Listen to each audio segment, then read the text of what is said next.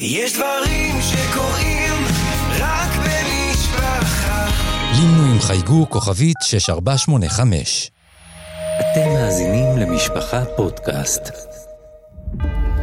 זירת לוחמה ישראל יוסקוביץ' בסדרת אקטואליה יומית עם מפקדים מהשטח ובכירים בדרג הביטחוני והמדיני. הבוקר החמישי להפסקת האש, שעות ספורות לפני הפעימה החמישית במסגרת הארכת ההפוגה. התמונות שמגיעות מהגבולות הדרומיים מרגשות. עשרות ילדים שנחטפו בידי פושעי מלחמה מחמאס משתחררים. הסיפורים שהם מספרים רק מחזקים את ההבנה עד כמה העסקה הזאת הייתה חשובה ונכונה. ובכל זאת, כצפוי, באוויר יש כבר דיבורים בזירה הבינלאומית על הפסקת אש מוחלטת ועצירת ההתקדמות לקראת השגת מטרות המלחמה שתכליתן למוטט את יכולות השליטה האזרחיות והצבאיות של חמאס ברצועת עזה. איתנו על קו הטלפון אבי אריאלי, לשעבר בכיר בשירות הביטחון הכללי, ומי שבמשך שלושה עשורים ליווה את הזירה הפלסטינית. שלום לך. שלום, בוקר טוב. תראה, אני רוצה לשאול אותך, קודם כל, אה, האם זה בדיוק, לדעתך, מה שחמאס רוצה אה, בעצם הוא רוצה את התמונות האלו, את הלחץ על הסינטימנט הישראלי, את ההתרגשות מהשחרור, ואת הרצון אולי של הציבור הישראלי, נוכח התמונות האלו, להעריך את ההפוגות, להעריך את הפסקת האש, ובעצם להרחיק את המשך הלחימה שהיא כל כך חשובה. אתחיל ואומר שהחמאס השיג את המטרה הברורה והאסטרטגית שלו במה שקרה בשמחת תורה, שבת שמחת תורה, 7 לאוקטובר, הוא השיג את שלו. ולכן מבחינתו, אם תהיה עכשיו, נגיע לשלב של סיום הלחימה, לא הפסקת אש, אלא סיום הלחימה, מבחינתו הוא השיג את מה שהוא רצה. זה שינוי דרמטי של מעמדו מצד אחד, ההרג הגדול שהוא עשה לישראל, והנה הוא פגע בעוצמה של מדינת ישראל, של ישראל, עם כל הכניסה שלו פנימה לתוך ישראל, לתוך היישובים, הקיבוצים והמושבים. הוא השיג את שלו, ולכן כל מה שהוא מנסה לעשות עכשיו זה למשוך זמן ולמשוך גם לחץ מהעולם לגרום לישראל להסכים להפסקת אש, מה שישראל באופן מובהק לא תסכים. להפסקת אש, אני אומר, כהפסקה טוטאלית של סיום. כן, אני רוצה לשאול אותך, איך באמת ישראל מסוגלת עכשיו, אתה יודע, יש את ממשל ביידן שכל כך הרבה מעורב. הנשיא בעצמו, מתוך אה, אחוזת הנופש שלו, מרים טלפון פעם אחר פעם לאמיר קטר, לראש ממשלת קטר, מתערב כשיש משברים ב... שנוגעים לעסקת שחרור החטופים. ואיך אפשר בעצם, אני שואל אותך פרקטית, לומר לו, לא, אה, מיסטר ביידן, אתה תיתן לנו חימושים, אתה תיתן לנו סיוע של 14 מיליארד דולר, אתה אה, תציל את אה, שחרור החטופים ברגעי משבר, אבל אנחנו לא נשמע לך כשאתה מבקש אה, שנגיע ל, לחדול את האש. זאת אומרת, זה מעשי בכלל, הרי הוא, יש לו מנופי לחץ מולנו בסופו של דבר. ו, ואני צריך להזכיר לך גם שהוא משלם מחיר כבד מאוד בבייס שלו, הסקרים כבר מראים, שהוא לא כל כך, הם לא כל כך מרוצים, מצביעיו, מהגישה המאוד פרו-ציונית שלו כלפי ישראל. איך אנחנו, השאלה פרקטית, איך אתה חושב שאנחנו יכולים להמשיך בהגשמת היעדים החשובים כל כך, שזה מיטוט שלטון חמאס, כי אם לא, אם לא נמוטט אותו, אנחנו לא, לא נוכל לשרוד במרחב, ומצד שני, לעמוד מולו כחומה בצורה. אקדים ואומר שכחלק מ-30 שנותיי בשב"כ, שירתתי, שזה למעשה, עם זה גם סיימתי את שירותי עד לפני מספר שנים, שלוש שנים כדיפלומט בכיר בוושינגטון, אני מכיר היטב את מבנה הממשל האמריקאי בארצות הברית, מכיר את הפוליטיקה שמה, אני מחובר למכוני מחקר ואני בהחלט מבין את כל מה שקורה שם, כמובן שאני גם מבין את הצד הנוסף, שזה כל האנטישמיות הנוראה שמעולם לא הייתה כמותה, שהולכת ומתפשטת ברחבי ארצות הברית. מה שביידן הכריז כמעט מתחילת הלחימה, שהוא תומך בעמדת ישראל של מיטוט שלטון החמאס. ומיטוט שלטון החמאס ומיטוט החמאס כארגון טרור זה שני דברים שונים, זה גם שלטון החמאס וגם החמאס כארגון טרור. ביידן הזדהה לחלוטין עם שתי המטרות הללו שהצהירה ישראל. מה שקורה עכשיו, ושתי המטרות הללו טרם הושגו. מה שקורה עכשיו זה בדיוק מה שאמרת בסוף דבריך, זה מהבייס שלו, מה שקורה, אנחנו נכנסים עכשיו לשלב האחרון לפני הבחירות בארצות הברית, זאת אומרת השלב שכבר מתחיל, אה, שהפוליטיקה מתחילה להתנהל באופן מאוד מאוד אקטיבי. ובהחלט חלק מה base, אפשר להגיד שזה ה base, זה לא כל תומכי המפלגה הדמוקרטית, זה חלק מתומכי המפלגה הדמוקרטית, אחוז לא קטן, אבל כנראה לפי מחקרים הם עדיין לא הרוב. הם, הם למעשה פחות מזדהים עם מדינת ישראל והיו ודוחפים אותו לקראת אה, לחץ על ישראל של הפסקת אש. אבל ביידן עצמו באופן אישי, לעניות דעתי, בהחלט היה רוצה להמשיך, שישראל תמשיך עד כדי מיטוט החמאס ומיטוט החמאס כארגון, מיטוט החמאס כשלטון. עכשיו, אם הוא ייכנע לבייס שלו ואכן ילחץ על ישראל, ישראל גם בעבר לאורך ההיסטוריה ידעה לומר מתי היא מקבלת את מה שמבקשים ממנה האמריקאים ומתי היא לא מקבלת. ישראל הצהירה חזור והצר שהמטרה היא, אנחנו מדברים על כמעט, נכון לעכשיו, 1,600 הרוגים, 1,200 אזרחים ועוד כ-400 חיילים ואנשי שב"כ.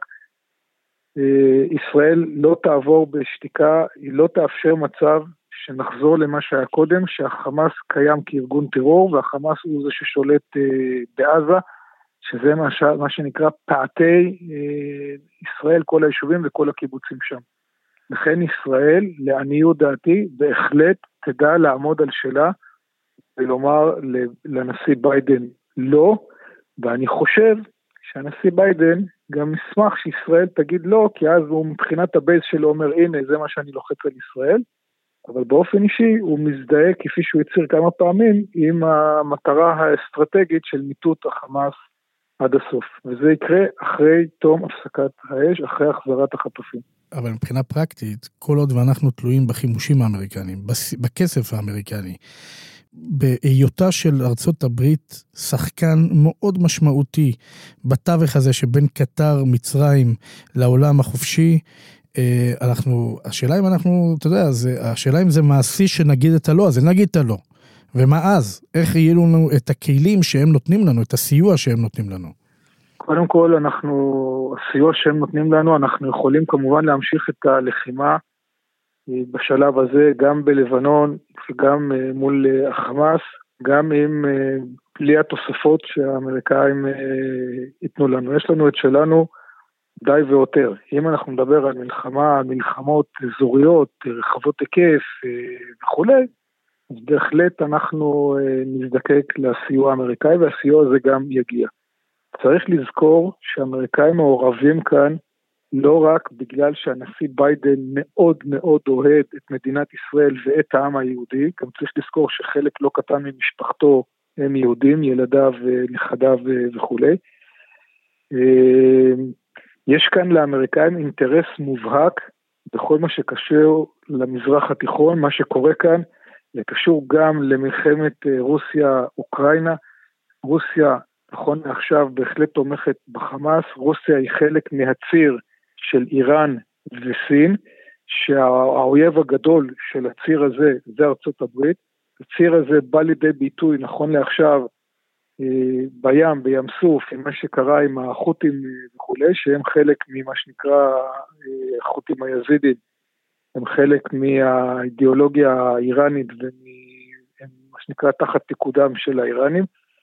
האמריקאים מבחינתם, יש כאן זירה רב-לאומית, זירה אסטרטגית, שהם מחוברים לזירה הזו לא בגלל אהבתם לישראל, אלא בגלל האידיאולוגיה והאסטרטגיה, התוכנית האסטרטגית שלהם על העולם כולו.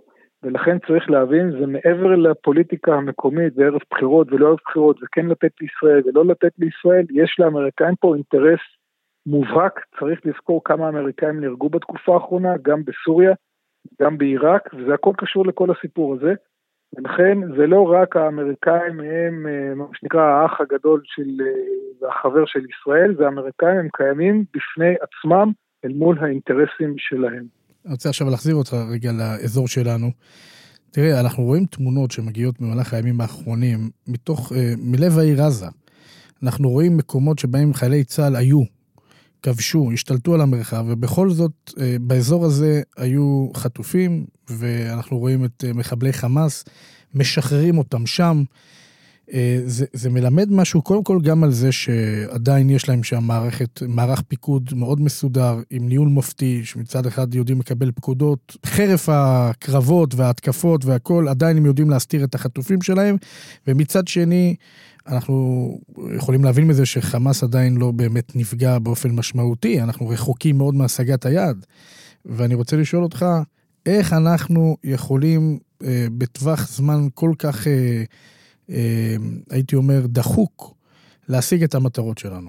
קודם כל, חלק מהתמונות אה, שאנחנו רואים הם אה, פיקציה של החמאס. זאת אומרת, הם יודעים לייצר, צריך גם להבין שהחמאס, אם, אם אני מדבר על יחיא סנואר עצמו, את כל התמונות של השמחת תורה של השביעי לאוקטובר, הוא לא באמת רצה שזה מה שהתפשט בעולם, וחלק ניכר, מדינות העולם בוודאי, חלק ניכר מאזרחי העולם, למרות כל הגלים האנטי-ישראלים וכולי, אבל יש גם גלים פרו-ישראלים, מתייחסים אליו, משתמשים בביטויים של נאצים ושל דאעש. שני דברים שונים, אבל שני הדברים האלה מסמלים אה, אידיאולוגיה שהחמאס לא היה רוצה להיות מזוהה איתם. קודם כל, לדאעש, החמאס ודאעש, הם, הם לא חולקים ביניהם את אותה אידיאולוגיה אסלאמית, גם את זה צריך להבין, אנשים פחות אה, בקיאים בזה, ובטח לא להגיד עליהם אה, נאצים מבחינת הדימוי שלהם בעולם. והוא מנסה לייצר עכשיו תמונות שקצת יתקנו את הדימוי שלו בעולם, אז אני אומר שגם חלק מזה, זה, אנחנו לא שולטים באופן מלא בחלק הצפוני של עזה, אנחנו נמצאים שם, אבל אנחנו לא נמצאים בכל חור מתחת לאדמה ובכל פיר אה, עמוק, ומתגלים פה כל מיני דברים שאנחנו פחות נמצאים, ואנחנו מנצלים את הפסקת האש גם ללמוד, גם להרחיב את המודיעין, אנחנו ממשיכים גם בחקירות המאוד מאוד אינטנסיביות של נחקרים שמספקים תמונות, והתמונות האלה, תמונות, הכוונה מודיעין, וזה משרת את המשך הלחימה של צה"ל, והכל יבוא לידי ביטוי ביום שאחרי. אנחנו נמצאים חזק מאוד בחלק הצפוני של רצועת עזה, אבל זה לא מאה אחוז, אנחנו לא מאה אחוז שולטים במקום הזה, ולכן חלק מהתמונות שאתם, אה, שאנחנו רואים כציבור, כן, הן מעידות על זה שאנחנו לא מאה אחוז נמצאים שם. ב-30 שנותיך בשירות, קודם כל כרכז שטח, אחר כך כאחראי על ירושלים, אה, אחר כך כמובן כראש חטיבה. אני רוצה לשאול אותך, אתה הכרת את חמאס באופן הזה, כפי שהוא באמת, אה, אה, אתה יודע, התגלה לנו ב-7 באוקטובר עם מפלצתיות כזאת, עם זוועות כאלו, עם אכזריות כזאת? הכרת, ידעת שזה הולך לשם? התשובה היא כן, כי ברגע שאם אנחנו מדברים, החמאס נוצר לפני האינתיפאדה הראשונה שפרצה ערב ראש השנה ב-1988, זאת אומרת זה קצת, זה היה בסוף 87, ב-9 לדצמבר 87, האינתיפאדה השנייה, שהתחילה באוקטובר 88' אה, בעלייה של אריאל שרון להר הבית, אני דרך אגב זה היה היום הראשון שלי בתפקיד כמפקד של ירושלים, ועליתי עם אריאל שרון אה, להר הבית. אה, התחילה, בשונה מהאינתיפאדה הראשונה, התחילו פיגועים של התאבדויות, פיצוץ אוטובוסים. באינתיפאדה השנייה נרצחו למעלה מ-1200 ישראלים, רובם אה, יהודים. חלק ניכר מהרצח היה בהתאבדויות. עכשיו, מי זה המתאבדים? זה צעיר, איש חמאס, ששם על גופו מטען חבלה, עולה על אוטובוס, והוא יודע שהוא הולך לפוצץ ולהרוג, אבל הוא גם יודע שהוא בעצמו אה, ייהרג. ואני באופן אישי שוחחתי עם לא מעט מתאבדים שברגע האחרון לא הצליחו להתאבד, האוטובוס, המטען לא עבד, לא התפוצץ והם נעצרו ונחקרו וישבו בכלא על כוונה לרצח וכולי, ואני שוחחתי איתם מעבר לחקירות, שיחות אה, עומק, לנסות להבין, בואו נדבר, נשתה כוס קפה ובואו ננסה להבין את הראש שלכם. ו, ומה שברור לי מניסיון אישי, שהנכונות שלהם, שנובעת מתפיסה דתית, כמובן מעוותת, מעוותת לא באופן אובייקטיבי, מעוותת גם אצלם באסלאם, אבל זה נעזוב את זה עכשיו, אבל תפיסה דתית של uh, להתאבד ולהגיע לגן עדן ולקבל את כל מה שהם מאמינים שהם מקבלים uh, בגן עדן, כולל, כולם מדברים על uh, נשים וכולי, אבל כולל יין, הרי אסור להם לשתות יין. בגן עדן הם יקבלו יין וכולי. הם כל כך מאמינים בזה, ולכן מה שקרה בשביעי לאוקטובר בהחלט לא מפתיע, ההתנפלות שלהם, הם לא ציפו שנקבל אותם כאילו בזרועות פתוחות, זאת אומרת שזה יתאפשר כל מה שקרה, האסון הנורא שקרה לנו. אבל מבחינתם, כשהם התנפלו על הגדרות, ואם אנחנו היינו נמצאים שם ומגיבים מאוד חזק והורגים אותם, כפי שגם הרגנו בהמשך, אלפים מהם נהרגו בהמשך, מבחינתם, מי שגילה נכונות להתאבד, להתפוצץ באוטובוס, אז אין לו שום בעיה להתנפל על גדר ולהתנפל על יישוב אה, ויהרגו אותו שמה, אה, זה חלק מכל מה שהוא מאמין מבחינה אה, דתית. אבל צריך לזכור דבר נוסף שפחות מדברים עליו.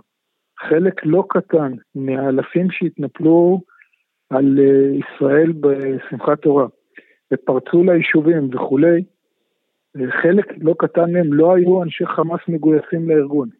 זה היו אזרחים פורעים. אנחנו מכירים קבוצות כאלה במקומות אה, שונים, שמבחינתם זה יאללה, קדימה, בואו נעלה, בואו נשדוד, בואו נהרוג, בואו נאנוס, וכל הדברים הנוראים שעשו, בלי להיות עכשיו איש חמאס, ופתאום אווירה, ופתאום הכל מותר להם, וגם הרבה מהם הצליחו לגנוב המון דברים, לא רק לחטוף אה, וכולי. חוץ מזה שהחמאס גם הבטיח, זה עלה בצורה חזקה מאוד בחקירות, למי שיחדור לישראל ויצליח לחטוף אה, אזרח ישראלי וכולי, יקבל דירה ויקבל אה, הרבה מאוד כסף מזומן, נדמה לי שהסכום הוא עשרת אלפים שקל, אבל בנוסף לדירה וכולי, זאת אומרת ממש פיתו אותם בחומריות טהורה, כסף ודירה. וזה בדיוק מביא אותי לסיפור של אה, רוני אה, קריבוי, ששוחרר במסגרת התיווך הרוסי, שמספר שהוא במשך ארבעה ימים הצליח אה, לברוח, פשוט היה לו קשיי התמצאות במקום, ועזתים שפגשו אותו החזירו אותו לחמאס, זה רק מראה עד כמה כביכול במרכאות כפולות ומכופלות האוכלוסייה העזתית לא מעורבת, ועד כמה לא צריך לרחם עליה כשאנחנו בעצם פועלים שם, גם אווירית וגם קרקעית. צריך לזכור בנוסף למה שאתה אומר, זה שב-2006 היה בחירות, נקרא לזה בחירות דמוקרטיות. כל דבר כזה צריך לקחת בערבון מוגבל, אבל נקרא בחירות. אה, מי ישלוט בעזה, האם החמאס או הפת"ח? והחמאס ב-2006 ניצח, אבל לא, למעשה לא כל כך השלטון ברמאללה לא כל כך נתן לו, לא כל כך העביר לו את השלטון, אז ב-2007, שנה אחרי זה, בוצעה הפיכה, והחמאס בכוח, אחרי שהוא חיסל אנשי פת"ח, חיסל, הרג אותם בצורה אה, מזעזעת, זרק אותם מגגות וכולי, והשתלט על עזה אה, בכוח. אבל מה שאני רוצה לומר, זאת אומרת שב-2006 בבחירות הוא נבחר, 70 אחוז, ככל שאני זוכר, 70 אחוז מהאזרחים הצביעו עבורו, כשהם יודעים מי זה חמאס, מה האידיאולוגיה שלהם, מה הרקע שלהם וכולי. זאת אומרת שרוב תושבי עזה, רוב השני מיליון אנשים שחיים שם, ואני עוזב רגע את הילדים, הצביעו עבור החמאס ב-2006. אז הם חלק מהחמאס. כן, לסיום אני רוצה באמת לשאול אותך, בהקשר לכך יש, יש דיבורים על היום שאחרי, כן רשות פלסטינית, לא רשות פלסטינית, השאלה אם, אם היא לא, מי כן, ואם מי כן, אם זה בכלל מעשי, אתה יודע, לתת לגבייה אה, כמותה, באמת שבקושי שולטת בר, ב, ברמאללה ובקושי שולטת ב, בגדה המערבית, לתת לה שליטה על עוד שני מיליון פלסטינים, זה מעשי? מעבר למה שאתה שואל אם זה מעשי, גם צריך לזכור את הנתק שיש, הנתק הגיאוגרפי, בין עזה לבין יהודה ושומרון. זאת אומרת, אין אה, ציר אה, מחבר, צריך יהיה ליצור את הציר המחבר הזה. האם זה יהיה גשר, האם זה יהיה תת-קרקעי, האם זה יהיה דרך הים, לא יודע. אבל גם, גם את זה צריך לזכור לקושי של השלטון. התשובה היא שבוודאי שזה הולך להיות מורכב. הציפייה היא, לפחות שלי, זה שגם העולם יהיה מעורב אה, בסיפור הזה. אני לא רוצה להגיד עכשיו האו"ם, כי הארגונים של האו"ם, אה, אנחנו מכירים את ארגון אונר"א וכולי, מדברים עכשיו הרבה על הצלב האדום וכן הלאה. אה, מורכב מאוד מבחינת כמה הם למעשה בפועל, בסופו של דבר, כמה אונר"א אה, מחנך ילדים להיות טרוריסטים בהמשך. הנקודה היא כזו, האם ישראל תחזור למה שהיה בעזה עד ההנתקות, עד, 2000, עד אוגוסט 2005, זאת אומרת תשלוט באופן מלא בעזה, תחזיר לשם את היישובים וכולי, או שלא, וימצא דרך אחרת. אני חושב שמה שיקרה זה שאנחנו לא נחזור לעזה ברמה האזרחית, לא נחזיר את ה-22 יישובים שהיו בעזה וכולי. אנחנו כן במידה מסוימת נשלוט ברמה הצבאית כדי למנוע היווצרות מחדש של כוח החמאס אה, שיישאר אה, חי וכולי, והפתרון יצטרך להיות משותף ביחד עם אה, גורמים עולמיים, אם זה מדינות ואם זה האו"ם, לצד, כן, הרשות הפלסטינית עם עזרה שהיא תקבל. אבי אריאלי, תודה רבה לך על השיחה הזאת שנשמע בשורות טובות. תודה רבה ורק בשורות טובות, אמן.